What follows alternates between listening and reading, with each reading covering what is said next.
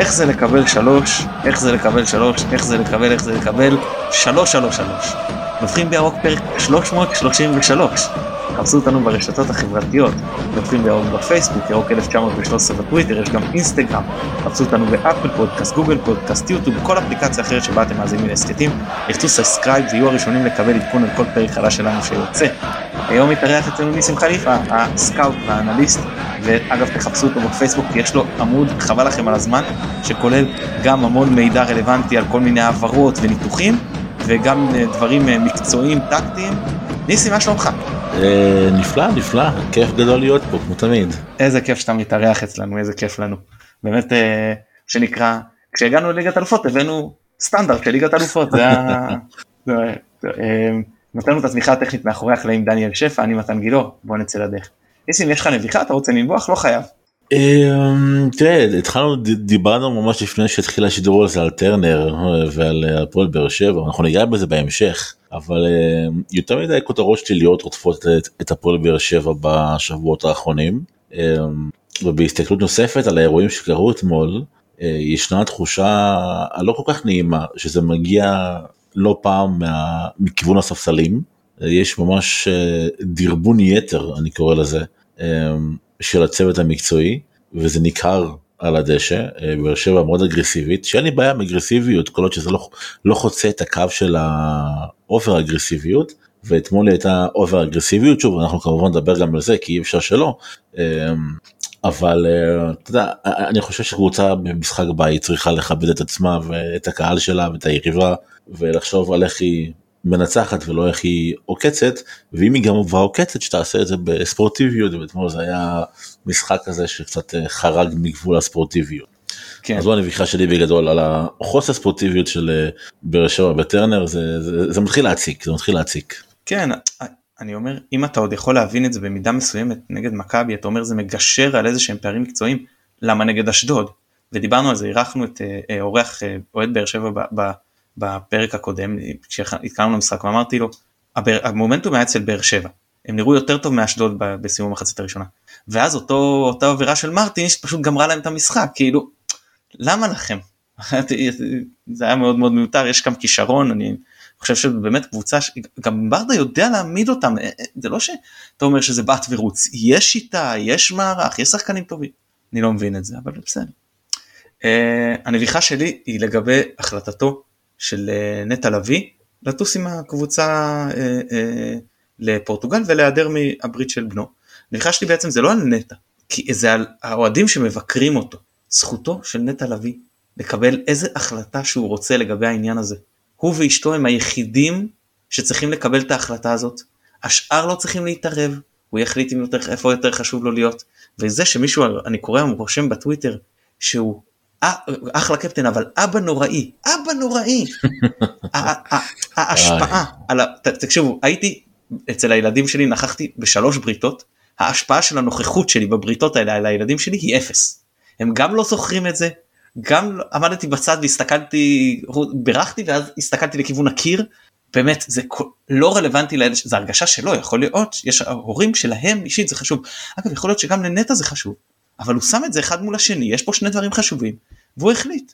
בואו בוא, חבר'ה עם כל הכבוד זה לא חתונה או לוויה זה משהו שהבן שלו לא יזכור אחת הסיבות כנראה שעושים את זה בגיל שמונה ימים זה כדי שהוא לא יזכור. ואין לזה שום, שום השפעה וזה החשיבות של, של, של נטע ואשתו לעניין ובאמת שזה לא פשוט לא קשור לאוהדים ולא לא רלוונטי ובטח שלא לבקר אותו על, על ההחלטה שלו. אגב אותו, אותו דבר הייתי אומר אם הוא היה בוחר להישאר. אין לבקר אותו על החלטתו בעניין הזה זה רק שלו. האמת שהפתעת אותי אני לא, לא לא לא ראיתי את הדבר הזה ברשתות אני שומע את זה ממך פעם ראשונה על הביקורת אחת הביקורות המוגזמות כאילו ששמע, שקראתי אי פעם ששמעתי אי פעם כי שחקן שלכם בוחר להשאיר את המשפחה שלו מאחורה למען הקבוצה שלכם ויש לכם את החוצפה לבקר אותו ואת זה אני אומר לאוהדי מכבי חיפה. ולשאר האוהדים שאני מניח שהייתה עוקצנות מאוהדי מכבי תל אביב וכן הלאה כל מיני אוהדים באר שבע לא חסר אה, אוהדים עוקצניים. אה, אני תמיד הולך למשפט האלמותי של אה, מייק טייסון שלפעמים בן אדם צריך איזה אגרוף לפרצוף באמת בשביל להפסיק לכתוב שטויות על המקלדת אתה יודע היד כל כך קלה אנשים כותבים דברים כל כך נוראיים אנשים בסיטואציות כל כך מורכבות זו סיטואציה מורכבת זה נטע לביא אה, הקפטן של הקבוצה צריך לזכור את זה שמגיע למעמד כזה גדול עם הקבוצה שלו אולי המעמד הכי גדול לא אולי המעמד הכי גדול בקריירה שלו נקודה. הוא עושה דבר כזה כי, כי זה אירוע לא פחות מהיסטורי בשבילו ובשביל כל הקריירה שלו ואנשים אה, באים ויש להם את הזכות להגיד לבן אדם מה לעשות ואיך להתנהג ולתת לו טייטלים של אבא נוראי וואו אני מי שכתב את זה צריך אה, סליחה ידידים אם אתה שומע אתה צריך להתבייש במה שאתה אמרת זה דברים שמי שמך לא לשפוט אחרים. זה לא זה לא של הלידה עצמו ששם יש לך לנוכחות שלך יש הרבה יותר משמעות. אה, אגב אני אני אומר שאני אני באמת אני אומר אני לא איזה נראה טוב אני לא איזה חכם גדול ואני לא כל כך מוצלח בעבודה אבל דבר אחד אני טוב אני מעיד על עצמי בחוסר רצינות אני חושב שאני אבא טוב ואני מאוד מעורב אצל הילדים ואני נמצא המון זמן עם הילדים שלי בכל שבוע וזה מעצב לי מאוד את, את החיים ואת השיקולים שלי בחיים ווואלה גם לי קרה פעם שחזרתי מטרנר אחת וחצי בלילה שתיים וחצי אשתי ראה אותי לחדר לידה אז דברים קורים ואני לא שחקן אני כולה אוהד. זה אפשר לגמרי אפשר להבין. מוזר. מוזר ביקורת מוזרה. כן. תתבגרו חבר'ה באמת. בואו נעבור לדבר אה, כדורגל. אז היה לנו אתמול אה, משחק אז אני אתחיל אני אגע אני אנתח קצת אה, את המשחק אנחנו לא נאריך יותר מדי כי בכל זאת הפורטה של, העיקר הפרק שלנו עכשיו זה ההכנה לבנפיקה אז אנחנו אני קצת אסקור ואם יש לך דברים להוסיף תוך כדי אז פשוט תקטע אותי כי אני כבר כמו שאני אוהב להגיד מביא את הקונגו ומתחיל לחבוא. אז, אז כן. אז מכבי פתחה סך הכל במערך הדי רגיל שלה, כן, של, של ה-4-3-3, כשזה, אה, האמת שזה יותר 4-2-3-1, אני אסביר, כשמשחקים, אה, אה, אה, אה, אבו פאני משחק, אז הוא ושרי משחקים יחסית בקו אחד, כשמאחוריהם נמצא קשר אחורי. אבל כשמשחקים לביא ומוחמד ביחד אז הם משחקים באותו קו, מחלקים את המגרש לא, לא צפון דרום אלא מזרח מערב, ושרי נמצא מעליהם. ואז בניגוד למצב שאבו פאני פותח שזה 4-3-3 כשהם פותחים ביחד זה 4-2-3-1. אמ, אני, אני לא זוכר אם העונה פתחנו בהרכב הזה עם השחקנים, אה, אני מדבר רק על החלק הקדמי עכשיו, כן, השחקנים האלה אולי במשחק הראשון נגד אה, אולימפיאקוס יכול להיות וגם אז כן, עברנו למערכת, מה זה היה 352, כן. כן, כן, בדיוק. אה, באירופה ובליגה התחלנו לעשות רוטציות, איך שנכנסנו לליגה כדי לווסת עומסים. אז פה באמת עלינו עם ההרכב הכי חזק שהיה, זמין אה, לנקודה הזאת אה, ו, ועם אה, דילן אה, בטוביניסק, בטוביסינקה, סליחה אם אני אומר, אמר נכון, בטובינסיקה, סליחה, עכשיו אני חושב שאמרתי נכון, אה, את שמו, אז, אז אה, הוא, הוא לראשונה פתח בהרכב שאני מודה שזה הפתיע אותי, כי הבחור רק נחת, בקושי הספיק להתאמן עם הקבוצה, והצטרף, אני כבר אגיד שמבחינתי אני אקדים ואומר, אני חושב שהוא היה הכי טוב במכבי, כאילו עד כדי כך, נכון. אם, אם, אם לא הייתי יודע לחפש את חוסר התיאום, אז אה, לא הייתי מוצא אותו, אני לא חושב שהייתי מוצא אותו, כלומר, אתה איש מקצוע מהתחום, או יש לנו פה את החבר'ה נדב ואופק שמצטרפים, מבינים את כדורגל, כולכם מבינים כדורגל הרבה יותר ממני. אז כשאתם מסתכלים או כשמאמן מסתכל, אני בטוח שהייתם רואים את זה בלי קשר. אבל אני לא הייתי יודע לחפש את זה בכוונת מכוון, כי ידע, ידעתי שהוא שחקן חדש, לא הייתי מוצא, בטח לא בין הבלמים.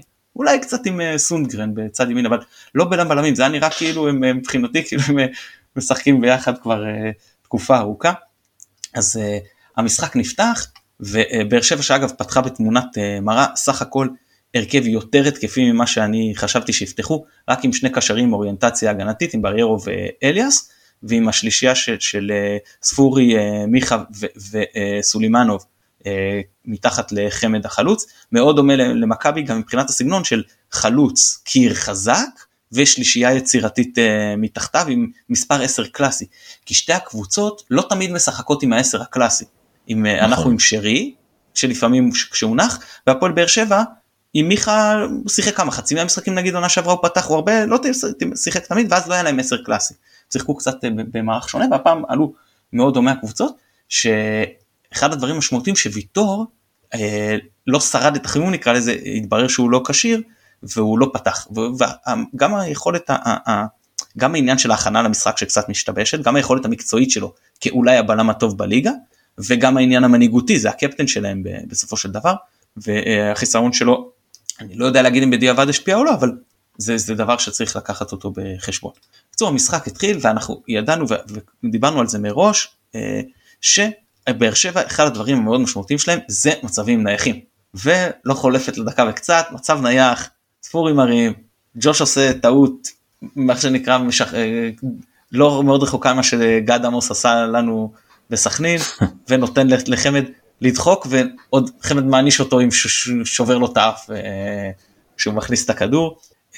אה, אני יכול להגיד שאני לא מבין מה האוהדים שלנו מתרגשים מהחגיגות של חמד. הוא אמנם שחקן בית אבל צריך לזכור שהוא לא שיחק אצלנו הרבה. הייתה לו אולי חצי עונה טובה הוא אחרי זה יצא לאירופה. עברו מאז 11 שנים הוא אולי קצת אפילו נעלב במידה מסוימת שלא החזירו אותו והעדיפו את פירו על פניו. אה, בסדר אז הוא חגג נו שחקן כבש וחגג אפשר לחשוב. בוא נגיד לא ככה בן אדם בא ועשה את העבודה שלו זה, זה המקצוע שלו הוא חלוץ הוא כמו שערים במגרש הביתי שלו אני לא חובב של השחקן מרים את היד ואומר סליחה סליחה כאילו כן תגיד לא, סליחה אחרי המשחק אחרי המשחק תייצר אינטראקציה עם הקהל אין בעיה עם זה. תוך כדי משחק תרגור עם חברים שלך אתה פה להילחם על הנקודות זה, זה מה שקורה. אני מסכים ברור שיש הבדל אתה יודע גם בשחקן ששיחק עכשיו אתה יודע אני אגיד לך ככה כשאבי נימני נגיד עזב את מכבי תל אביב אני חושב ועבר לבית"ר ירושלים הוא שם נגדם גול אם אני זוכר נכון. אז כן. אני יכול להבין אם, אם שחקן כזה בוחר לא לחגוג. זה לא אותו הדבר זה, זה סיטואציות מאוד מאוד שונות. זה לא נכון. סמל של הקבוצה שעכשיו ואז היו אה, מכבי קצת אה, נכנסה שם להלם והיו דקות טובות של באר שבע בערך הדקה העשירית וככל שהזמן חלף המשחק התחיל להתאזן ואפילו המומנטום השתנה לטובת אה, מכבי. אני אגיד משהו על שתי הקבוצות, אני חושב שהלחץ הגבוה של שתי הקבוצות היה לא טוב. אה, פיירו, כשמרוויחים את הכדור בלחץ, הוא, הוא מאוד יכול לסייע, כי אתה ישר דוחף אותו אליו. גם אם הרווחת את ה, בלחץ הגבוה, טיפה אפילו יותר נמוך, אתה ישר דוחף אליו, הוא יכול לשמור, וישר מגיעים אליו. אה, אבל כשחקן לוחץ, הוא, הוא לוחץ פחות טוב מדין דוד, צריך להגיד את זה, זאת המציאות, הוא, הלחץ שלו הרבה פחות טוב משל אה, דין דוד, וזה הורגש, ובאר שבע אני הרגשתי. גם שברו את הלחץ של מכבי בקלות וגם דילגו לנו יחסית קל על הקישור. נטע לביא ואני מוחמד זה שניים מהמחלצים הכי טובים בליגה. במצטבר לשניהם, כן אולי הטובים ביותר. שני חילוצים לכל אחד במשחק. שני ניסיונות. כאילו היה מה לחלץ. לא, לא היה מה לחלץ. הכל עבר אותם צ'יק צ'אק. כל אחד לא... עם שני ניסיונות תיקול ו- ורק שלושה תיקולים מוצלחים סך הכל של שניהם. אז ביחד זה כלום לשני השחקנים האלה זה, זה כמעט בלתי נתפס במשחק הזה. כי באר שבע בשנייה שכבשה את השער המוקדם מאוד זה היה הדבר הכי רע שיכול לקרות לה כי מאותו שנייה היא פשוט ויתרה על הכדור דקה 15 בערב ו... כן בדיוק נכון דקה 15 דקה 15 מכבי חיפה לקחה את הכדור אני חושב עם 68 או 69 אחוזי אה, שליטה ועד המחצית זה בערך נשאר האמת שלאורך מאותה נקודה מהדקה ה-15 מכבי חיפה לא ידעה לא ידע מ-60% פוזיישן שזה המון בבית של כן. קבוצה אחרת. קבוצה צמרת. יבואו ויגידו לך יבואו ויגידו לך רגע ניסים אז זה לא הוגן מה שאתה אומר היינו בעשרה שחקנים אבל עשרה שתדעו לכם שבמחצית השנייה זה דווקא טיפה התאזן בעשרה שחקנים עד למחצית השנייה מדקה 15 עד דקה 45 מכבי החזיקה ממוצע בכדור של 73 אחוזים אחרי זה במחצית השנייה זה היה רק 65 אחוזים רק שתבינו את ה... כאילו כמו שאתה אומר באר שבע ויתרה לכדור עוד כשהם היו ב-11 שחקנים זה לא העניין של הרחקת שחקן.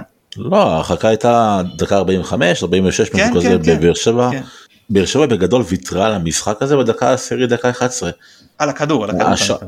על, כן, על כן, השליטה במשחק. על, על הכדור על הכדור ועל המשחק כי בבית שלך אתה לא אמור להתבטל בצורה כל כך אגרסיבית אתה אתה כן יכול לשבת מאחורה יחסית ולחפש את ההתקפות מעבר אבל זה נראה שבאר שבע פשוט ויתרה לחלוטין על התקפות מעבר, ויתרה על ניסיון לייצר משהו, משהו יצירתי למען האמת, מאחורה, איזה בילדאפ שיפרק טיפה את מכבי חיפה. מכבי חיפה היה לה משחק מאוד מאוד, אומנם אגרסיבי, היא חטפה המון בעיטות לרגליים, השחקנים חטפו המון בעיטות לרגליים, אבל זה היה משחק נוח בסופו של דבר, זה היה משחק שאתה יושב ואתה מצפה לשער שיבוא, השער היה אמור לבוא לפני הדקה ה-90. השער הזה הגיע באופן דרמטי רק כי דברים לא התחברו.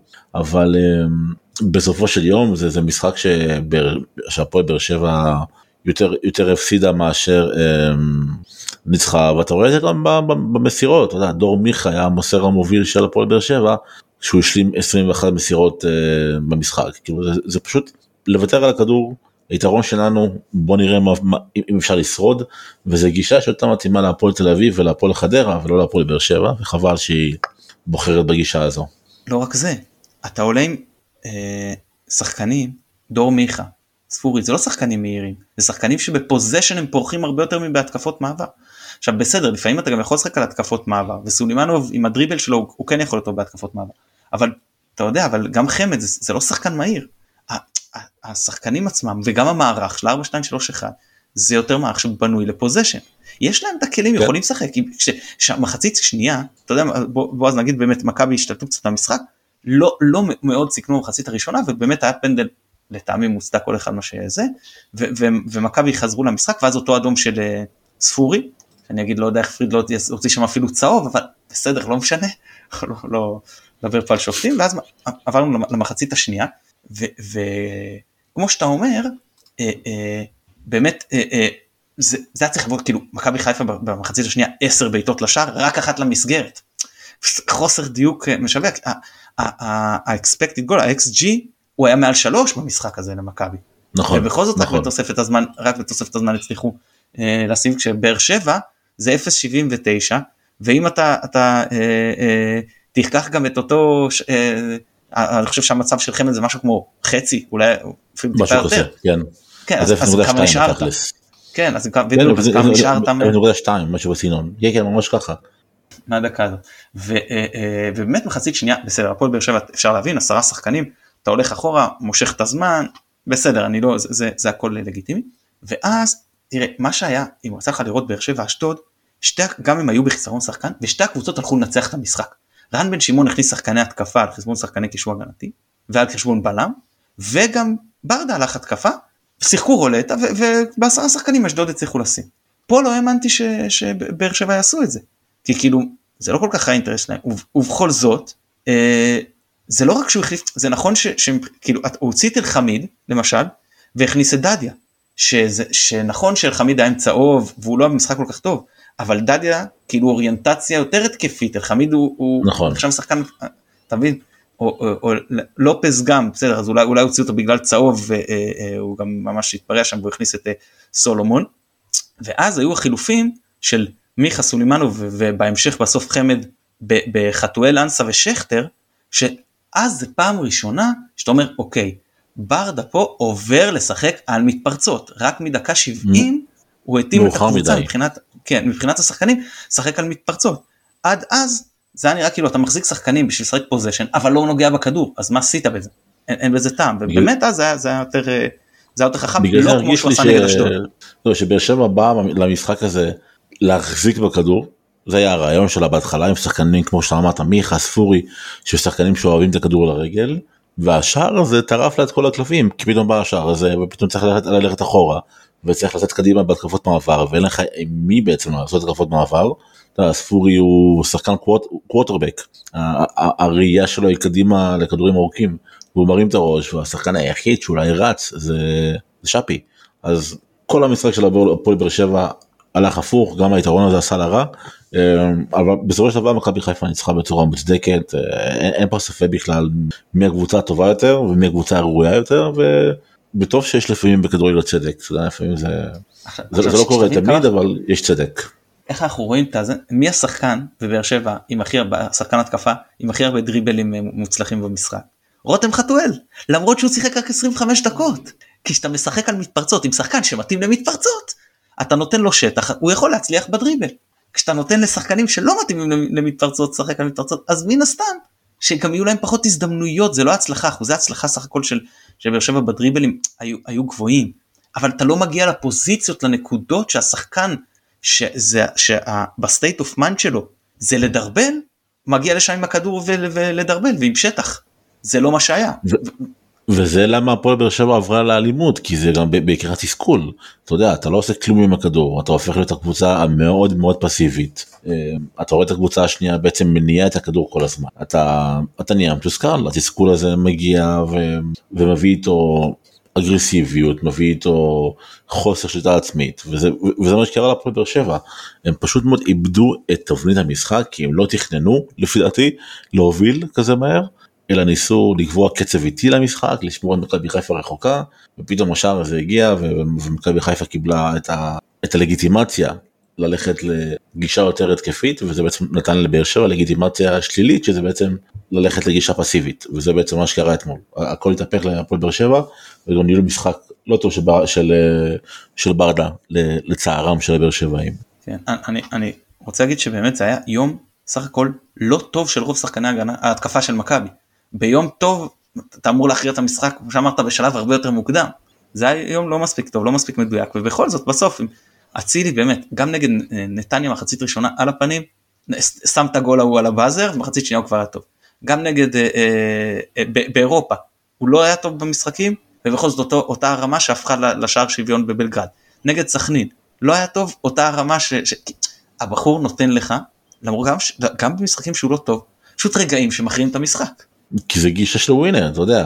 אבל אתה, אתה מסתכל אתמול על המשחק ודיברת על בטורבינסיקה לפני.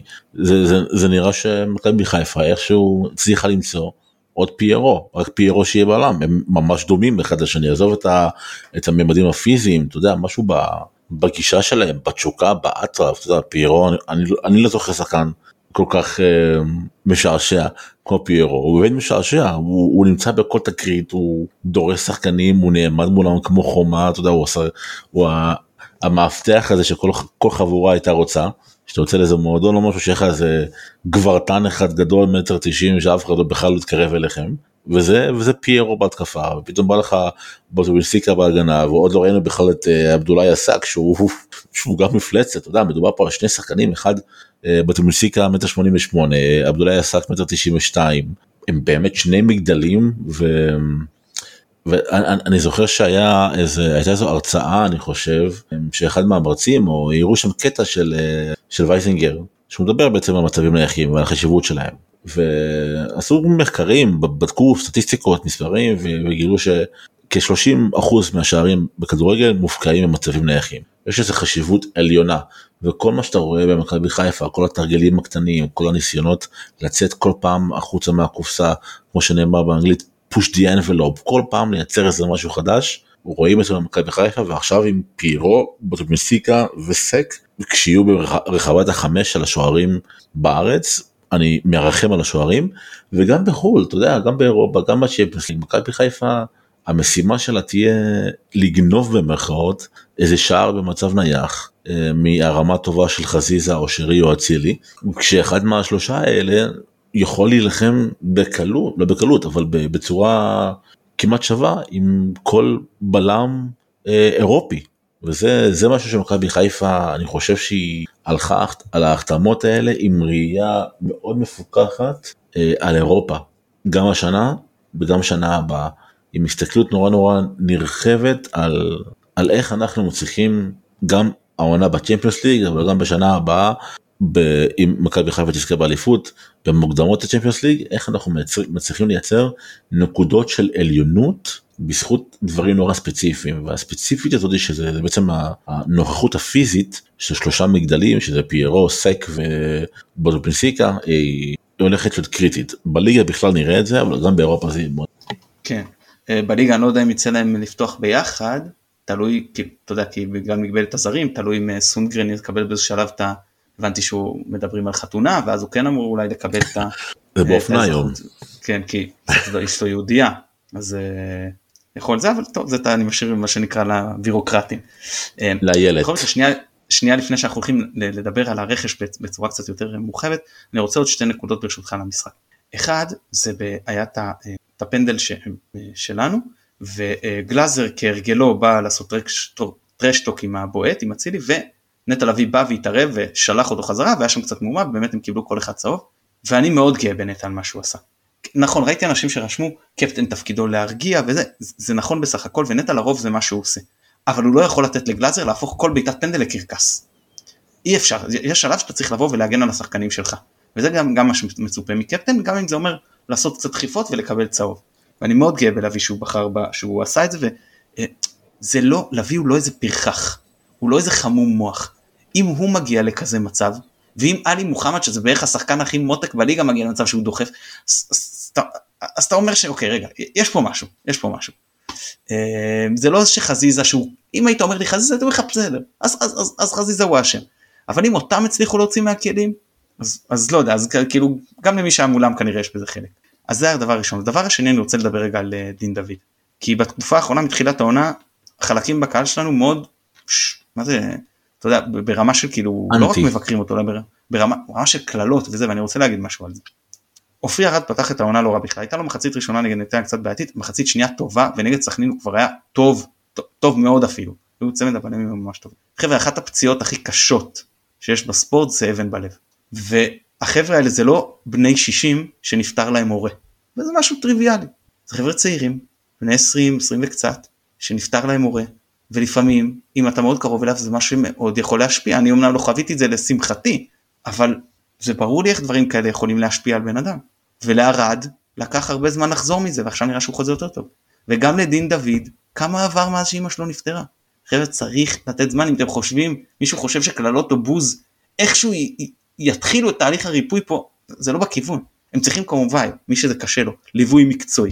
אני לא איש מדעי התנהגות אני רק אה, מה אני חושב בתור ההדיוט ובוודאי שתמיכה מהקהל רק יכולה לזרז את החזרה שלהם לתת תפוקה חיובית ובטח שהתגובות השליליות לא יביאו אותנו לשם אלא רק להפך.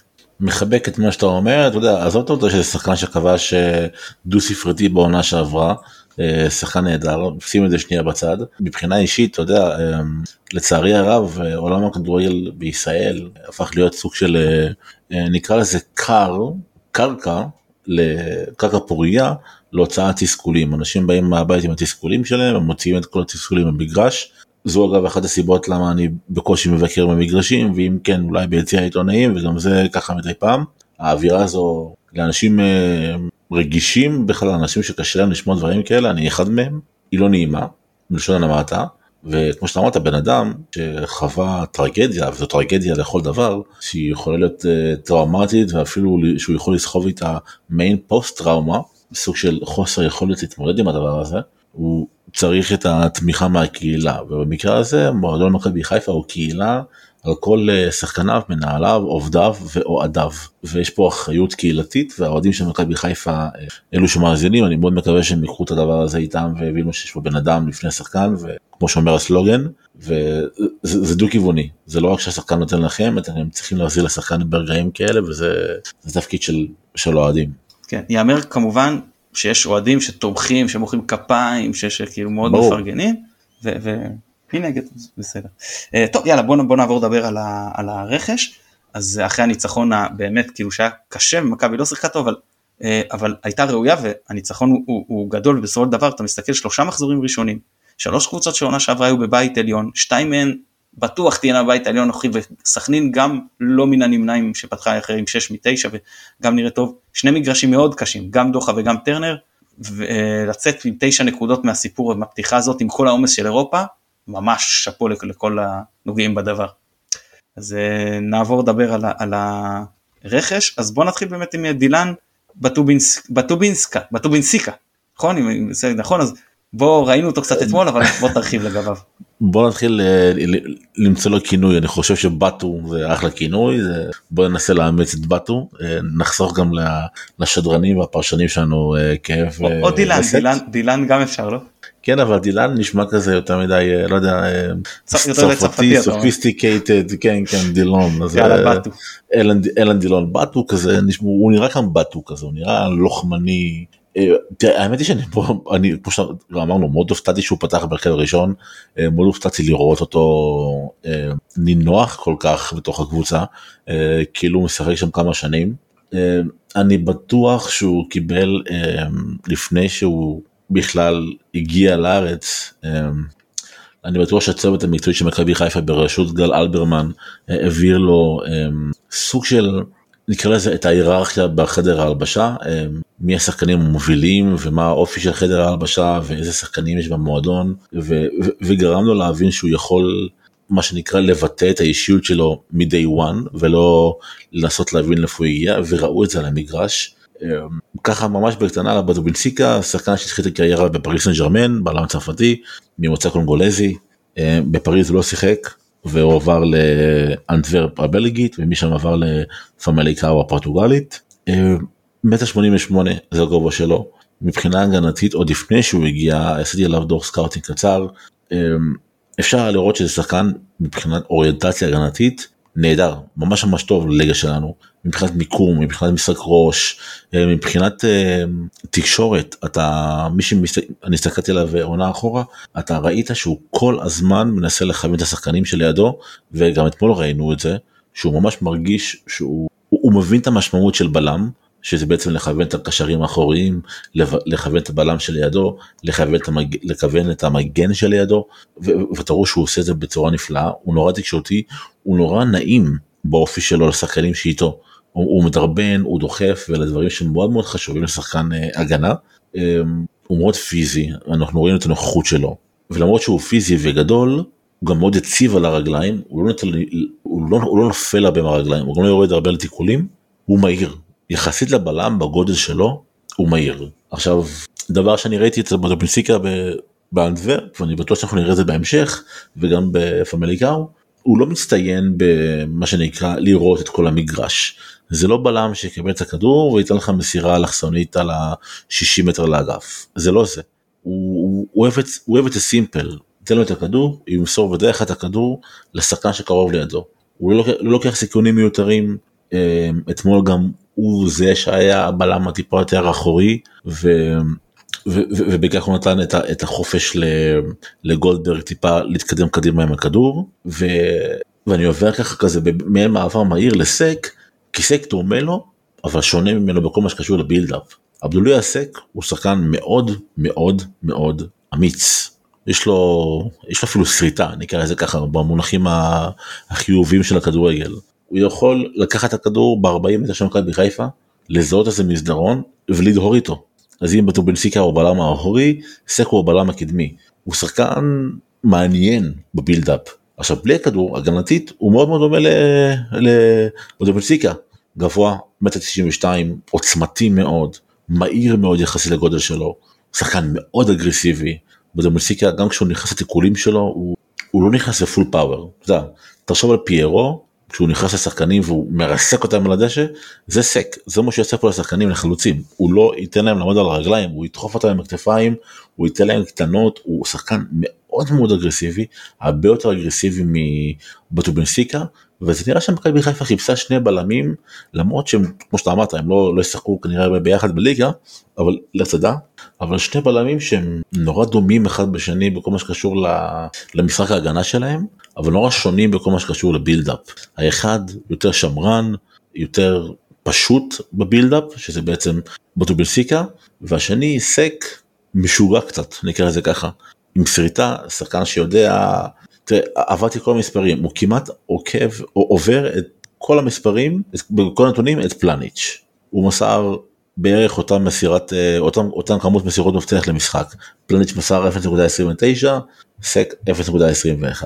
פלניץ' מוסר ב-87% דיוק, סק מוסר ב-84% דיוק. אה, פלניץ' מאבד 1.1 כדורים למשחק, סק מאבד 0.89. פלניץ' מנצח ב-74% במאבקים, סק מנצח ב-69% במאבקים. וצריך לזכור שסק שיחק בליגה טובה יותר. זאת אומרת, זה נראה שמכבי חיפה הצליחה לעשות פה רכש מאוד מאוד מאוד מאוד איכותי עם scouting נורא נורא מדויק זה לא אתה יודע החתמות שאנחנו רגילים אליהם רגילים אליהם לפני כמה שנים של בוא נביא שחקן כי הסוכן הזה המליץ והסוכן הזה הוא חבר וכאלה אלא ממש scouting אקטיבי שחיפשו שני בלמים שיוכלו לשחק ביחד אני חושב בעיקר באירופה ויוכלו לתת למכבי חיפה את הערך המוסף מבחינת המטריה גם האווירית גם בהגנה וגם בהתקפה. אה, ביום שלישי הולכים לפגוש אה, את גונזלו רמוס של אה, בנפיקה הוא שחקן אומנם פחות מהם בגובה מטר 85 אבל שחקן מאוד מסוכן בגובה מאוד תזזיתי. ויש לי תחושה שסק אדמוט ובנפיקה הולכים להיות uh, צמד מאוד מאוד מעניין גם הגנתית אבל גם התקפית במצבים נייחים. אני, אוקיי, אני רוצה משחק קודם כל בטובינטיקה שראינו אתמול אז אני התרשמתי שאומנם לגמרי עכשיו זה הגיוני לי מה שאתה אומר הוא לא יוצא הרמוני עם הכדור קדימה והוא לא עכשיו בונה את ההתקפות, אבל הוא כן טכני עם הכדור, הוא כן יודע לשבור לחץ, הוא כן מרגיש מאוד נוח שאם החלוץ לוחץ אותו, אז הוא, הוא יעביר אותו, כאילו אין לו בעיה, הוא לא, הוא לא בפאניקה עם הכדור, זה לא, זה לא דו סנטוס וגרשון שאתה יודע, לחצו אותם ולא ידעו ורק נעיף את זה, לא, הוא כאילו, הוא יודע להתנהל עם הכדור לשחקן שבא משחק ראשון בקבוצה. במשחק כזה ממש הוא היה, הוא היה ממש בטוח עם הכדור. סתם אני אתן קצת אה, מספרים מאתמול לשחקן שהוא משחק ראשון וזה זה משחק ראשון. ראינו כבר שחקנים שהיו מצוינים משחק ראשון ואחרי זה ירדו אז, אז אנחנו לא כמובן לא נכתיר אותו עכשיו כאיזה בלם אדיר ונצטרך עוד לראות אבל בינתיים זה נראה טוב. 42 אה, מסירות מדויקות מתוך 44 ניסיונות זה, זה עבירה אחת רק הוא ביצע לאורך כל המשחק. אה, נכנס ל-14 מאבקים ניצח עשרה מהם. 2 מ-4 בגובה ו-8 מ-10 על הקרקע. אה, ניסה כדרור אחד והצליח אותו. ניסה שישה תיקולים הצליח חמישה מהם איבד רק פעם אחת וחילץ הכי הרבה בשתי הקבוצות. 11 אה, חילוצים כשהבא אחריו במכבי היה אה, קורנו עם אה, שבעה חילוצים. זאת אומרת הוא באמת היה במישור ההגנתי מבחינת המספרים הוא באמת היה פה חצי קילומטר מעל כל השאר מאוד מרשים. אני ברשותך רוצה לשאול אותך לגבי סק היה אני קראתי אני לא יודע אם אתה יודע אם אתה כן יכול להרחיב לגבי זה שהוא קצת בניגוד לבדומינסיקה הוא לא מגיע בכושר משחק שהוא לא לא נכון. שחק לאחרונה ושייקח לו איזה כמה שבועות עד שהוא יוכל לפתוח בהרכב. אה, כן נכון נכון הוא לא מגיע בכושר משחק מלא בכלל אה, אחת הסיבות אה, אני לא חושב אני לא, לא שזו הייתה פציעה כי ניסיתי להבין אני חושב שזה היה פשוט יותר נקרא לזה תיאום ציפיות בין שני הצדדים צד אחד לא מרוצה ורוצה שהוא יעזוב צד שני שהשחקן עצמו מבין שאין לו מקום ורוצה לעזוב את הקבוצה. אז כן, ייקח לו, טיפה יותר זמן להיכנס לכושר, אני לא יודע אם נראה אותו ביום שלישי כבר נגד אה, אה, בלפיקה, האמת שאני אופתע אם נראה אותו ביום שלישי נגד בלפיקה, אני חושב שגולדברג ובטו אה, יהיו אלה שיפתחו, אבל אתה יודע גם אף אחד לא חשב שבטו בנפיקה יפתח ביום אה, שבת נגד באר שבע והנה זה קורה, אז מכבי חיפה מצליחה להפתיע אותנו בצורה טובה. אם אם למרות כל סימני השאלה אם הוא עדיין מראה סימנים של כשירות באימונים ויכול לפתוח עדיף. עדיף שיפתח אולי אפילו בשלישיית בלמים אתה יודע של אה, סק של בודובינסיקה באמצע סק בימין אה, גולדברג בשמאל סונגרן מגן ימני קורנו מגן שמאלי. זה, אני, אני, אני סקרן לראות לאיפה מכבי חיפה תיקח את זה כי מצד אחד אני לא יודע אם יפתחו ב-4 2 3 1 בחוץ נגד בלפיקה כי זה מאוד התקפי הרפתקני משהו, ובאירופה המערך של החמישה מאחורה עבד למכבי חיפה, לכן היא בצ'מפיונס ליג, אבל זה תמיד היה שחזיזה על קו ימין, ואני לא יודע אם ברק בכר ייקח את הסיכון הזה, כשבצד שמאל יש לך גם את ג'ואר מריו שהוא יותר פליימקר וגם את גרימלדו שהוא מגן שמאלי תוקף מאוד, אולי מהאיכותיים ביותר בפורטוגל. זהו. שנייה, צריך... שנייה לפני, כן. לפני שאנחנו צוללים אני קופץ, כן, קפצתי, אה, כן, אה, קפצתי. שנייה, שנייה. קודם כל, אני, אני, אני לגמרי מסכים איתך, אני גם חושב שלמכבי לא תפתח 4 2 3 1 וגם לא ב-3 5 2 הזה עם אה, חזיזה כקיצוני, אני גם חושב כמוך שזה או שלושה בלמים עם מגנים כמגנים בכנפיים, כאילו קו הגנה של 5 ולא קו קישור כאילו של 5, או שלושה קשרים של אבו פאני, לביא ואלי מוחמד, כאילו כשלישייה דפ, אה, דפנסיבית באמצע, או או, כאילו, אני, אני מרגיש שזה יהיה אחד מהם, אני לא יודע כמובן, קשה לדעת, אני רק אגיד דבר אחד, קורנו כרגע לפי הדיבורים עם רגישות באכילס. אכילס זה דבר שאתה מה זה צריך להיזהר ממנו, ואתה שחקן נכון. שהוא עם רגישות שם, אתה מעדיף לזרוק משחק לפעמים שניים, ואני לא יודע, יכול להיות שהוא יעלה והוא יהיה כשיר לחלוטין עד שלישי, אני לא הצוות הרפואי, אני סומך על הצוות הרפואי של, של מכבי, אבל אני אומר שפה אין משחק בשלב הזה של העונה שאתה מסכן אכילס בשבילו, כי קרע באכילס זה לא איזה קרע קטן בשריר, זה שנה בחוץ, לפחות. זה אחת מפציעות הספורט הכי קשות שיש, סיפור מאוד רציני, ומאוד צריך להיזהר מזה. ואם סן מנחם יפתח, והוא פתח את העונה ממש רע, אז רק מגדיל את הסיכוי שיפתחו באמת עם אוריינטציה יותר, אה, עם אה, חמישייה בהגנה. אבל רגע מכבי, בוא נעבור לדבר על אה, בנפיקה, אז בוא תספר לנו בי בנפיקה לסבוע. וואו, אה, אוקיי, בנפיקה ליסבון בוא נתחיל מזה שזו קבוצה אה, קבוצה שמצטיינת באיתור שחקנים. בפורטוגל יש להם מחלקות אה, scouting מאוד מאוד מאוד איכותיות. אה, בפורטו, בנפיקה ובספורטינג ליסבון שהם בעצם הפועל באר שבע, מכבי חיפה ומכבי תל אביב של הליגה הפורטוגלית, לכל מועדון יש בעצם מחלקת scouting נפרדת לדרום אמריקה בלבד עם פוקוס של ברזיל. משמע scouting של ספורטינג ליסבון פורטו ובנפיקה מה שהם עושים מחלקה שלמה עוקבים אחרי כישרונות מברזיל ארגנטינה דרום אמריקה אבל בעיקר אה, מברזיל. אה, זה המועדון שמשנת 2020 אה, מכר הם נמצאים במקום השני במכירות. זאת אומרת זה מועדון שמכר בסכום של אה, כמעט, כמעט 800 מיליון אירו משנת 2000 אוקיי? לפניהם נמצאת רק יובנטוס בצורה אה, אה, מוזרה. סליחה לא 800 1.4 מיליארד אירו של בנפיקה. הסתכלתי על הנתון הנכון ויובנטוס עם 1.6 מיליארד. בדיוק וצריך להבין כאילו בנפיקה היא ליגה פורטוגלית. ליגה פורטוגלית היא בעצם הליגה השישית באירופה והיא סוג של תחנת מעבר רגע, היא באמת השישית באירופה, לא כמו שלוזון אומר עלינו שהיא השישית באירופה, היא באמת השישית באירופה. היא באמת השישית באירופה, אנחנו 20 ומשהו באירופה, אז קצת אה, פרופורציות. אמ, ובפיקה, אגב, אמ, אוהדים מכבי חיפה, אני מניח שרובם יודעים, אבל מי שלא, אמ, בחוקים החדשים של אוהפה, כל קבוצה שמעפילה לליגת האלופות גם בקבוצת הנוער שלה מעפילה לליגת האלופות זאת אומרת שביום שלישי גם הקבוצה הצעירה של מכבי חיפה תשחק נגד הקבוצה הצעירה של בלפיקה. אה, בלפיקה לנוער היא אלופת אירופה. אה, היא גם הקבוצה שהגיעה להכי הרבה גמרים ארבע גמרים והיא קבוצה שמתמחה. המשחק אגב יהיה במתחם האימונים של בנפיקה להבנתי זה קצת מחוץ לליסבון לא כל כך נכון. פשוט יהיה לאוהדים לנסוע לראות ולחזור למשחק מי שרוצה כמובן יכול אבל זה לא כזה חוויה מי שיכול להרשות לעצמו את הסקי רכב או משהו, תעשו את זה, חוויה. יש שם חבר'ה צעירים נהדרים מבנפיקה, והם כל פעם מקפיצים שחקנים מהקבוצה שלהם מהקבוצה השנייה לקבוצה הבוגרת. עכשיו אחד היתרונות של הקבוצות בפורטוגל זה מה שאין בישראל לצורך העניין, בישראל יש לך קבוצות נוער ואז קבוצות בוגרים. אה, בפורטוגל זה לא עובד ככה. בפורטוגל יש לך גם אמנם קבוצת נוער אבל יש לך גם קבוצת ב' מה זה קבוצת ב' זה בעצם כמו קבוצת מילואים שמשחקת בליגה השנייה או השלישית בפורטוגל. היא לא יכולה לעלות לליגה הבכירה אבל זה קבוצה שמשחקת ממש כמו שקבוצה כמו שהפועל ירושלים שיחקה בליגה הלאומית לצורך העניין אז הקבוצה השנייה של בנפיקה משחקת בליגה השנייה של בנפיקה של אה, פורטוגל. משמע שחקנים צעירים בני 17-18 יכולים לשחק כדורגל בוגרים אמיתי בקבוצה השנייה של, אמ, של בנפיקה. וזה מה שקרה אגב עם אנטוניו סילבה.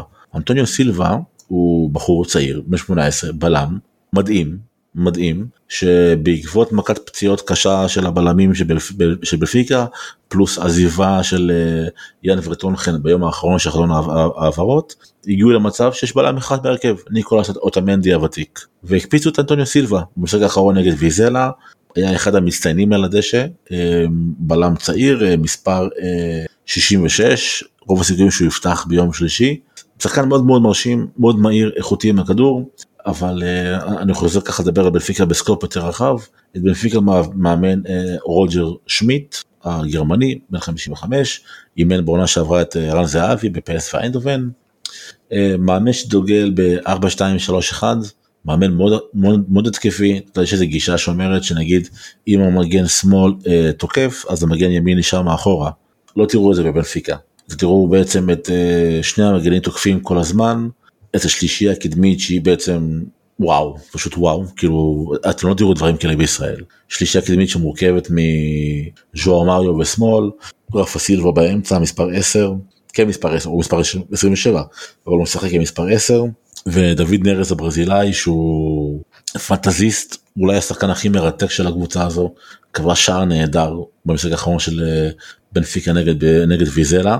וצריך להבין שבנפיקה היא א' אה, קבוצה שאני אם אני זוכר נכון לא הפסידה כבר 18 משחקים בכל המסגרות. היא מקום ראשון בליגה הפורטוגלית. היא 14 לא היא 14 14 ניצחונות רצופים סליחה בנפיקה בכל המסגרות מקום ראשון בליגה הפורטוגלית, זאת אומרת חמישה משחקים, חמישה ניצחונות, מאזן של 13 בליגה, אה, קבוצה באמת מפלצתית, כמו שאמרתי, משחקת ב-4-2-3-1, על כל עמדה במגרש יש לה שחקן שאף אחד במכבי חיפה לצערנו הרב לא מתקרב בסך האיכויות אה, של מה שאנחנו הולכים לראות. אה, אני מאמין שאנחנו נראה את בפיקה פותחת ב-4-2-3-1, ז'ילברטו בימין המגן הימני, אלחנדרו גרימלדו המגן השמאלי, ז'ילברטו הוא יותר מגן קשר שאוהב לבנות משחק, גרימלדו הוא פשוט מגן התקפי סטייל ג'ורדי אלבה, כל מי שמכירים מברצלונה, כל הזמן חותך לאגף,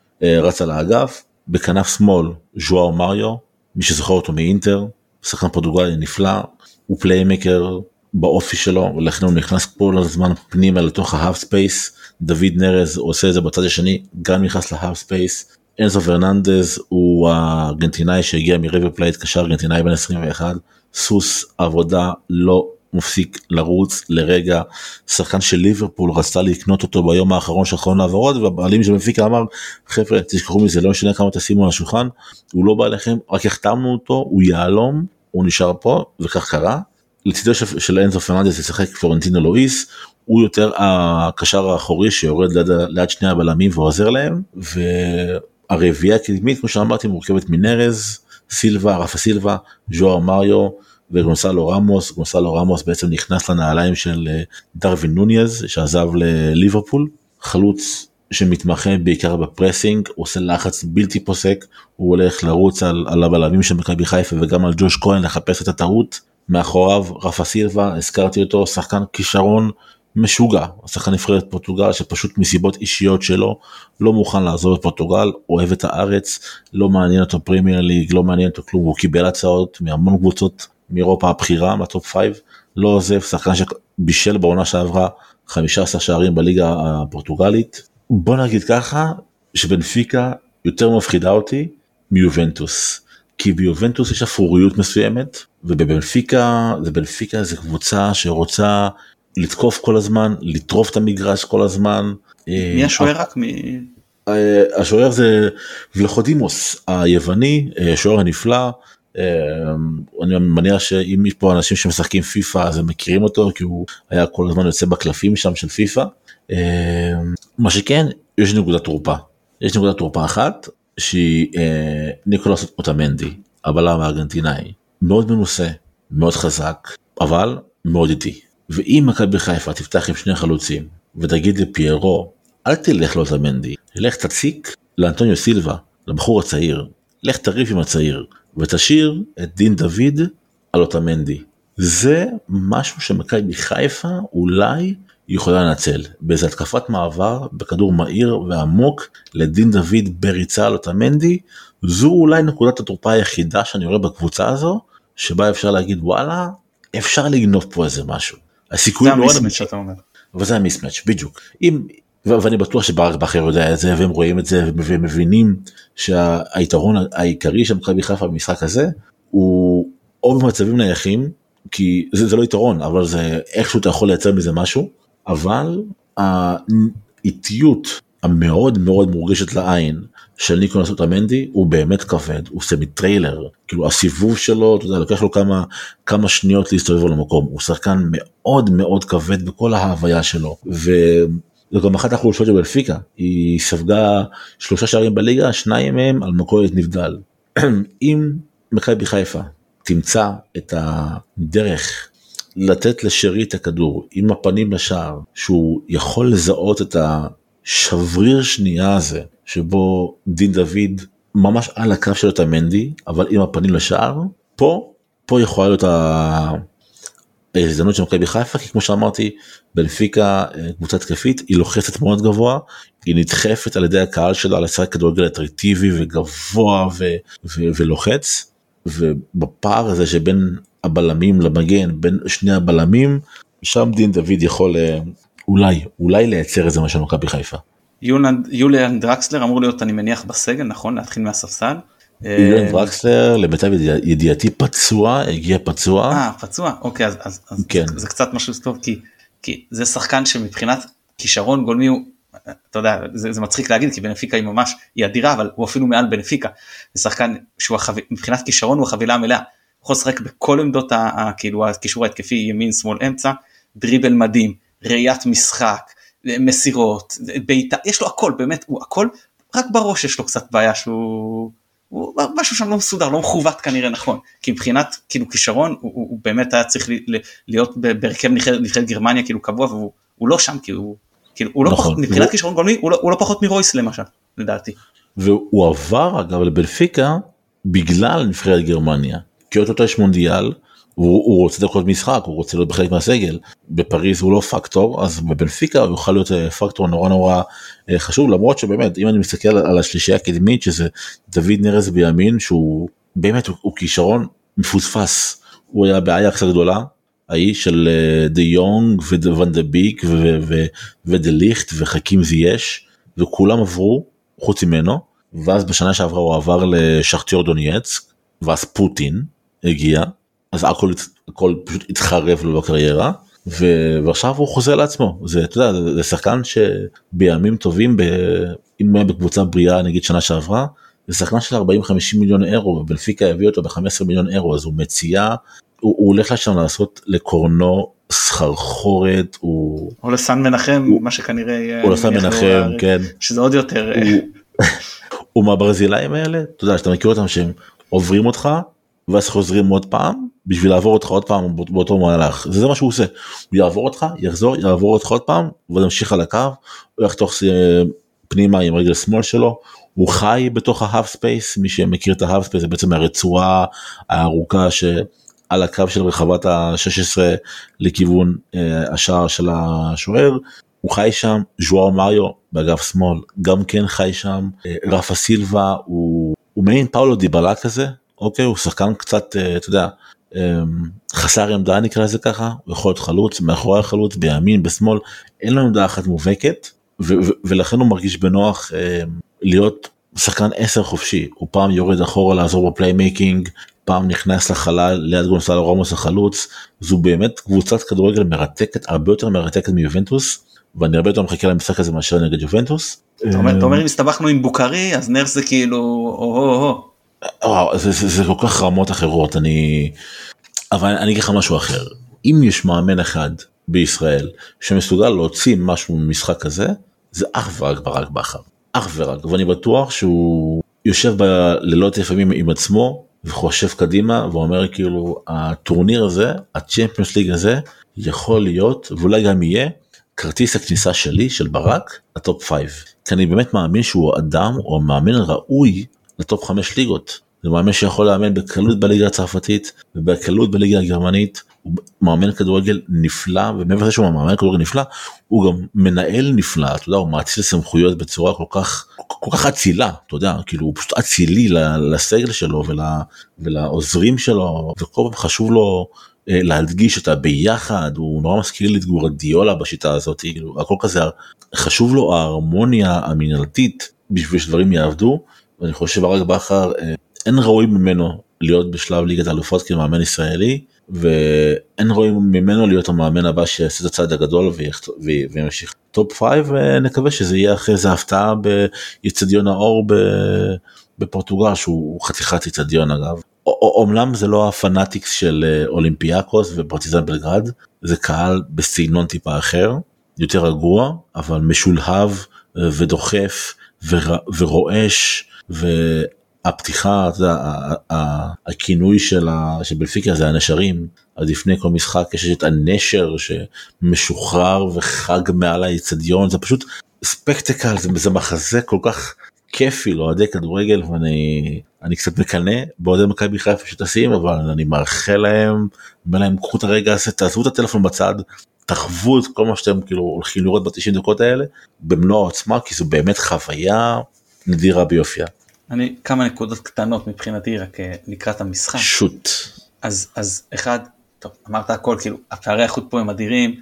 אין לך אתה גם רואה את התקציב של כל קבוצה ואת השכר שחקנים וזה כאילו מכבי היחידה שהיא איכשהו מתקרבת אליה זה ויקטוריה פלזן כל השאר בליגת אלופות זה זה בכלל כאילו זה כל כך רחוק ממך וגם אה, הרבה פעמים רואים שקבוצות ישראליות לפעמים לא הרבה פעמים אבל קורה מדי פעם שמצליחות להפתיע קבוצות יותר גדולות מהן במפעלים המשניים. זה לא ליגת אלופות, בליגת אלופות כל הקבוצות באות בשיא הרצינות, עם השחקנים החזקים, מתייחסות לזה, זה, זה, זה מפעל הדגל, זה לא שהליגה חשובה ואתה הולך לליגה האזורית וזה פחות חשוב, זה לא ככה, ש... ליגת אלופות אצל כולן, אף אחד לא, לא זורק שם, כאילו כולן באות לזה ב, ב, כמפעל הדגל.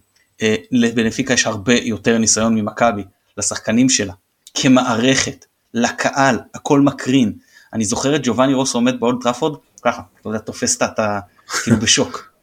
בנפיקה אין דבר כזה, זה הסטנדרט. הסטנדרט זה שהם שם זה כאילו הם מכירים את זה זה לא משהו חדש. זו קבוצה שהגיעה בעונה שעברה לשמינית גמר ליגת האלופות קבוצה שעלתה כן. מהבית של באיירן מינכן וברצלונה כאילו בואו בוא, בוא, בוא נבין את, ה, את כן. המשוכה. כן כן כאילו זה לא כן, זה לא איזה אולימפיאקוס עם כל הכבוד אולימפיאקוס. לא, ברצלונה הלכה לליגת אירופה ובנפיקה עלתה לשמינית גמר חבר'ה זה, זה, זה, זאת הקבוצה שפוגשים שכולם יבינו פה על מה מדובר. זה בדיוק זה לא ועשתה שלוש שלוש נגד ליברפול. ועשתה שלוש שלוש נגד ליברפול בשמינית גמר ליגת האלופות. זה זה זה כל כך level אחר ו... כן כן זה כבר לא רמה של מוקדמות זה כבר רמה של ליגת אלופות. והם באים יותר fit פיזיים. הם שיחקו קודם כל יש להם יום מנוחה אחד יותר הם שיחקו בשישי הקדימו את המשחק כדי להתכונן ככל נכון. הנראה כדי להגיע מוכנים יותר ליגת אלופות למרות שהיה להם משחק לא קל הורחק להם שחקן הם הצליחו לנצח פנדל בדקה בדקה 100 ואז הורחק להם עוד שחקן ושהוריד את החולצה אחרי הגול ושכח כנראה לא יודע אם שכח או לא שכח שיש לו צהוב וקיבל גם את האדום אבל אה, אני יכול להגיד לכם שהאוהדים שלהם שיצא לנו לדבר ואנחנו גם מחר נארח בהסכת אה, אה, נציג מה, מהפודקאסט שלהם שהם כועסים שם על השופטים וזה אבל בסדר זה ניגע בזה אבל אז ומכבי מגיעה גם עם יום מנוחה פחות גם עם טיסה וגם מאוד חבולה מהמשחק נגד באר שבע. זה לא רק היה משחק קשוח זה כל המכות האלה שאתה מקבל, הכאבים הקטנים האלה, זה, זה יש איזה גובה מחיר בסופו של דבר. כן, זהו, זה לא עובר תוך יום. כן, בדיוק. עם זה צריך להתמודד. לא, לא, זהו, שמנו את המשחק בטרנר בלי רוטציה. אין מה לעשות חבר'ה, זה מועדונים שרוצים להיות מועדונים גדולים. צריכים להתמודד עם זה שיש להם משחק ליגה גדול ומשחק ליגת אלופות שלושה ימים אחרי. ואנחנו נקווה שתהיה תוצאה טובה, ואם לא אז לא תהיה תוצאה טובה, אז מה יכולים לעשות, זאת חוויה. והנקודה האחרונה שאני רוצה לדבר עליה היא עניין הלחץ. זה נכון כולם מדברים על זה שלמכבי יש לחץ כי מכבי את הקמפיין האחרון סיימה בלי נקודות בלי שערים ומאוד מאוד יש לחץ אפילו להשיג שער אפילו להשיג נקודה רק לא לשחזר את אותו קמפיין שאגב הבית עכשיו לא פחות קשה מהבית ההוא שהיה. לא. אז מצד שני גם על בנפיקה יש המון לחץ. הם חייבים לצאת מפה עם שלוש נקודות זה, אין בכלל מה לדבר כאילו מבחינתם תיקו זה קטסטרופה זה אסון זה זה לא יכולים אה, לא להוציא פה ניצחון, אז כל דקה שעוברת, יכול להיות שקצת ייכנסו לאיזשהו לחץ, אה, זהו, זה משהו שמכבי אולי יכולה לנצל. אה, תראה, אני, אני מצטרך סקפטי, כי אני מנסה להיות ריאלי, ואני רואה את היריבות ואני אומר כאילו, יהיה קשה מאוד להוציא נקודה אפילו. מצד שני, לכל קבוצה יש נקודות תורפה. נדירות הקבוצות שאין להן נקודות תורפה רק אולי זה מצ'סטר סיטי שאתה יכול להגיד וואלה זו קבוצה שאין לה נקודות תורפה. אתה לא יכול לזהות אצלה חולשה מסוימת. אם אתה מספיק חכם ומספיק מפוקס ומספיק מושמע טקטית ומתכוונן מההתחלה על הנקודות תורפה האלה ועושה משחק ממש ממש טוב ברמה אתה יכול לעקוץ. עכשיו ברור שהסיכויים הם אולי 5% להוציא איזה נקודה או משהו אבל זה אפשרי. ו... שריף טירספול למשל שנה שעברה יש דברים בדיוק. כאילו זה כדורגל ו... ודברים קורים לפעמים. אתה, אתה נכון נכון ו... ולפעמים נכון. זה נופל לך בצד הנכון. נכון אני אני רק רוצה להגיד משהו קטן כי אני קראתי על זה היום הרבה הרבה תגובות ואני מעניין אותי גם לדעת מה אתה חושב כי, כי אני מסכים עם התגובות האלו אני, אני חושב שמכבי חיפה סליחה היו אה, סיכויים אה, טיפה יותר טובים לשמור על רשת נקייה אילולי ג'וש כהן אני חושב שמשהו בג'וש כהן לא מספיק. עכשיו אני לא רואה אותו כל המשחקים כמוכם, כמו אוהדים כמוך, אבל ממה שראיתי ממנו גם באירופה השנה, יש רגעים שאתה אומר שאלה כדורים ששוער ב-level טיפה יותר טוב אמור לקחת, וג'וש לא עושה את זה, ואני תוהה אם לתהיות שאתה, שאתה גם שומע מהקהל או שאתם מדברים ביניכם שם בצפון. אני מסכים שהוא בתקופה קצת פחות טובה, אבל אני מסכים שגם יש אצלנו לא מעט בקהל שמדברים, ויש לו נקודות חולשה, הוא לא שוער מושלם, אבל צריך לזכור שלפני שתי עונות באליפות אחרי עשר שנים הוא נבחר כשחקן העונה. ואני חושב ששנה שעברה היה לו קמפיין אירופאי מרשים ואני מאוד תופס ממנו כשוער ויכול להיות שיש לו תקופה פחות טובה וגם אני מזכיר שאת העונה שעברה סליחה לפני שתי עונות הוא לא פתח טוב הוא פתח לא טוב וגלאזר נכנס במקומו ואחרי זה כשהוא חזר לשער הוא חזר הרבה יותר טוב אז אני כן תופס ממנו ו- ואני מה שאני כן חושב שצריך לעשות איתו זה רוטציה עם משפטי לתת למשפטי יותר זמן בליגה א', כי אתה רוצה לשמור את השוער השני שלך בכושר טוב, כי יכול להיות שהוא יצטרך, ג'ושי פצאוס, או באמת באמת יהיה חלש, ואתה רוצה, תצטרך להכניס את משפטיס, אתה רוצה אותו בכושר. ויש לך מתי, זה לא שיש לך משחק בשבוע ואין לך מתי, יש לך מתי. אז לתת גם למשפטי לשחק. וגם זה יכול להיות שזה קודם כל ייתן לג'וש אה, גם מנוחה שאולי הוא זקוק לה, וגם יכול להיות שזה קצת יזיז את הכיסא, יגיד לו, רגע, אתה לא בטוח, אתה צריך להיות קצת יותר טוב בשביל לשמור על המקום שלך. אמ, אני לא, זה לא איזה שוער שהייתי אומר עכשיו, לא, חייבים לחפש מישהו יותר טוב, ממש לא, יכול להיות שאם תהיה לו עונה פחות טובה זה משהו שאפשר לחשוב עליו, אבל אני, אני סך הכל אה, מרוצה ממנו, ו- וצריך לזכור שהוא על תקן ישראלי, זה אם אתה רוצה להחליף אותו, נכון. אתה לא מביא זר, אתה מביא ישראלי. מסתכל, אתה אומר איזה ישראלי יותר טוב. בוא נניח שאתה אומר דניאל פרץ, למרות שגם הוא ראית אותו נגד ניס, שער שגם יכל למנוע עד באשמתו, דברים קורים, כאילו אין לנו שוערים מושלמים פה. אה, אה, נכון. אז, אז וגם דניאל פרץ הוא לא רלוונטי, מכבי מן הסתם לא תשחרר אותו לשום דבר שהוא לא אירופה בסכום מאוד גבוה והוא מצדיק את זה, הוא באמת שוער, אה, שוער טוב מאוד, ראית שהוא התבשל שנה שעברה עם לא מעט טעויות, השנה הוא כבר נראה הרבה יותר יציב. וגם הוא השנה יהיה לו, יהיה לו אה, אה, אה, שכר לימוד שאוהדים של מכבי תל אביב יהיו צריכים להיות סבלנים אליו כי הוא עדיין צעיר, כי הוא עדיין בהתפתחות, אז הוא לא רלוונטי. ואז אתה אומר אוקיי בוא נשאר, נסתכל על שוערים ישראלים אחרים. ארוש, כמה הוא שיחק לאחרונה באיזה כושר מול. מרציאנו, הם לא שוערים רעים, שוערים טובים, אבל אני לא חושב שאחד מהם הוא, אני אומר שהוא וואו, בי פאר יותר טוב מכהן, תביא אותו עכשיו. ממש לא. אז אה, אני בינתיים, אה, אז, אז, אז לכן אני, אני, אני כן ממשיך עם ג'וש פחות כרגע, ואם אחרי זה יחשבו אחרת בעונה הבאה, אז על העונה הבאה אפשר להסתכל ולתכנן אחרת את הדברים. זהו. נפלא, אוקיי, אני איתך בדעה הזו. אמ, אה, דבר אחד שרציתי לשאול אותך, כן. דבר אחד שרציתי לשאול כן. אותך כי דילגנו עליו קצת, סוף פוט גורנו, ככה בקצרה כי אנחנו סך הכל מכירים אותו, מה אתה חושב על הרכש הזה? לא רכש השאלה, סליחה יותר נכון להגיד. השאלה, כן. תראה, למכבי חיפה זה טוב, כי הוא מוסיף עומק וכנראה אני לא, לא בדיוק מבין מה הסיפור של אה, צ'יבוטה, עוד לא הבנתי מה קורה שם ולמה הוא הגיע ומה הוא עושה בקבוצה, באמת שלא מבין את הסיפור של צ'יבוטה. אמ, אז אה, אולי זה עם ראייה קדימה, אולי לשחרר את צ'יבוטה אוטוטו, אולי לשם, אני לא יודע מה מכבי חיפה מתכננת לעשות צ'יבוטה, אבל אה, סופון גרנו אמ, א' חזר הרבה יותר פיזי, נראה מרשים. מה זה פיזי? זה נראה כאילו גזרו את הראש שלו שמו על אליאנה. ממש ממש נראה, הוא התקרנף לחלוטין, כן. אמ, אני לא יודע איפה הוא נכנס בהרכב או כמשל, כמשלים ברוטציה אבל בוא נגיד שזה עדיף מבחינתו על להיות באיטליה ולא לשחק. זה, זה חד וחלק. אם הוא יבוא לפה ויקבל 10 משחקים 15 משחקים בטוטל יכבוש 4-5 שערים יבלוט קצת אולי יחזור בצורה גבוהה למכבי חיפה אולי יחזור לאיטליה טיפה יותר משופשף אחרי שהוא חווה כדורגל בוגרים בצורה יותר סדירה. אני חושב שזה בסופו של דבר, בסופו של דבר השאלה שיכולה לעשות טוב לשני הצדדים אני רק סקרן לראות איפה מכבי חיפה מכניסה אותו בפאזל הזה. תראה אני חושב שעד המונדיאל אין בעיה דקות. כולם יש משחק כל uh, שלושה ימים כולם ישחקו אני מניח אני אם הייתי צריך לנחש אני אפילו מנחש שהוא יפתח נגד נס ציונה. כאילו uh, זה, זה מאוד, מאוד הגיוני. הוא גם נותן מימד פיזי כמו שאמרנו לאירופה מוסיף uh, עומק יכול לפתוח בליגה בכל אותם משחקים שנותנים להרכב הראשון לנוח בגלל האלופות כי השנה בגלל המונדיאל משחקים שבועיים רצוף כאילו משחקים זה לא כמו אה, בשנים קודמות שהיה משחק, שבוע מנוחה משחק, אלא משחקים, שבוע, עוד שבוע משחקים ואז אחד מנוחה. משחקים משחקים, אחד מנוחה, משחקים משחקים, זה מאוד מאוד צפוף. ואז יש גם מחזור אמצע שבוע ישר אחרי לפני המונדיאל. ואז יהיה לו הרבה דקות בליגה, אני חושב שגם לצ'יבוטה ויהיה אפשר לבחון את כולם. מי שפה ייפגע לכאורה זה נאורה יפרח, שבאמת הוא קיצוני ויש עומס עכשיו על העמדות האלה, ובאמת אותו צריך להוציא להשאלה, כי הוא באמת שחקן מאוד מוכשר ואין טעם באמת סתם להחזיק אותו, ברור שכרגע הוא לא יקבל דקות כשיש את, את צ'יבוטה ופוטגורנו ואצילי שגם לא פותח באירופה שבליגה משחק הרבה, אז מן הסתם שהוא לא, לא ימצא את עצמו. אה, אני חושב שסך הכל זה חיובי, בטח למכבי, וגם לסוף זה יכול להיות, אני גם לא יודע אם הוא יישאר עד הסוף, יכול להיות שהוא ייתן חצי עונה טובה, ישחק הרבה בליגה, יהיה טוב עד ינואר, ובינואר יכול להיות שהוא, אה, אם יהיה הסכמות בין הצדדים, אם יראו ש...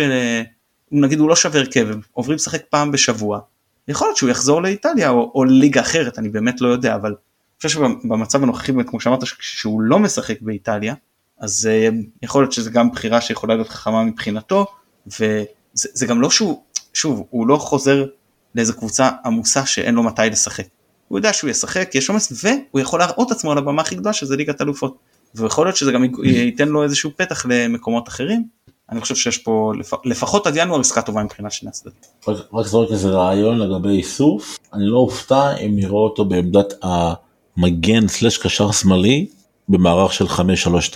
יכול לשחק את שני הצדדים. אני חושב שהוא מרגיש לך יותר נוח בימין אבל אני חושב שהוא טיפה מרגיש יותר נוח בימין אבל כמו שאמרת הוא משחק בשני הצדדים באמת זה, זה נכון. דובר על זה גם אני, אני גם שמעתי שדיברו על זה מה שחזיזה עשה יכול להיות שבאמת סוף יעשה כשחקן שהוא יותר פיזי אולי יותר מתאים לתפוס קו לבד ובאמת זה, זה, זה מאוד אה, הגיוני. ניסים נפלא. המון המון תודה שהתארחת אצלנו איזה כיף פשוט היה תענוג כמה ידע יש לך הדדי. איזה- מדהים. תודה לך שאירחת אותי באמת היה לי כיף ואמן אמן שנחזור מפורטוגל עם תוצאה טובה אני לא אוהד מכבי חיפה אמן נחזור לא אומר את זה כאוהד מכבי חיפה אני אומר את זה כאוהד כדורגל ישראלי כל אוהד ישראלי צריך לשאוף להצלחה של כל קבוצה ישראלית הלוואי וכולם יעשו את זה ויאללה מכבי חיפה באירופה תנו לה נשרים כן. בראש. תודה רבה כן כן אני חושב שבאר שבע גם מבחינתי ינצחו באוסטריה ונאחל להם בהצלחה. אה, אנחנו שוב נודה לדניאל שפר שנותן לנו את התמיכה הטכנית מאחורי הקלעים. אני מזכיר לכם אנחנו בשבוע ליגה אלופות מאוד מאוד עמוס.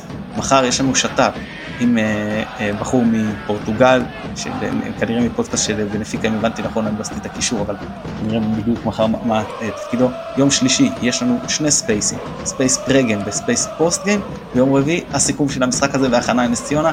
תמשיכו לעקוב תמשיכו להאזין. המון תודה רבה לכם אני מתן גילאור ביי ביי.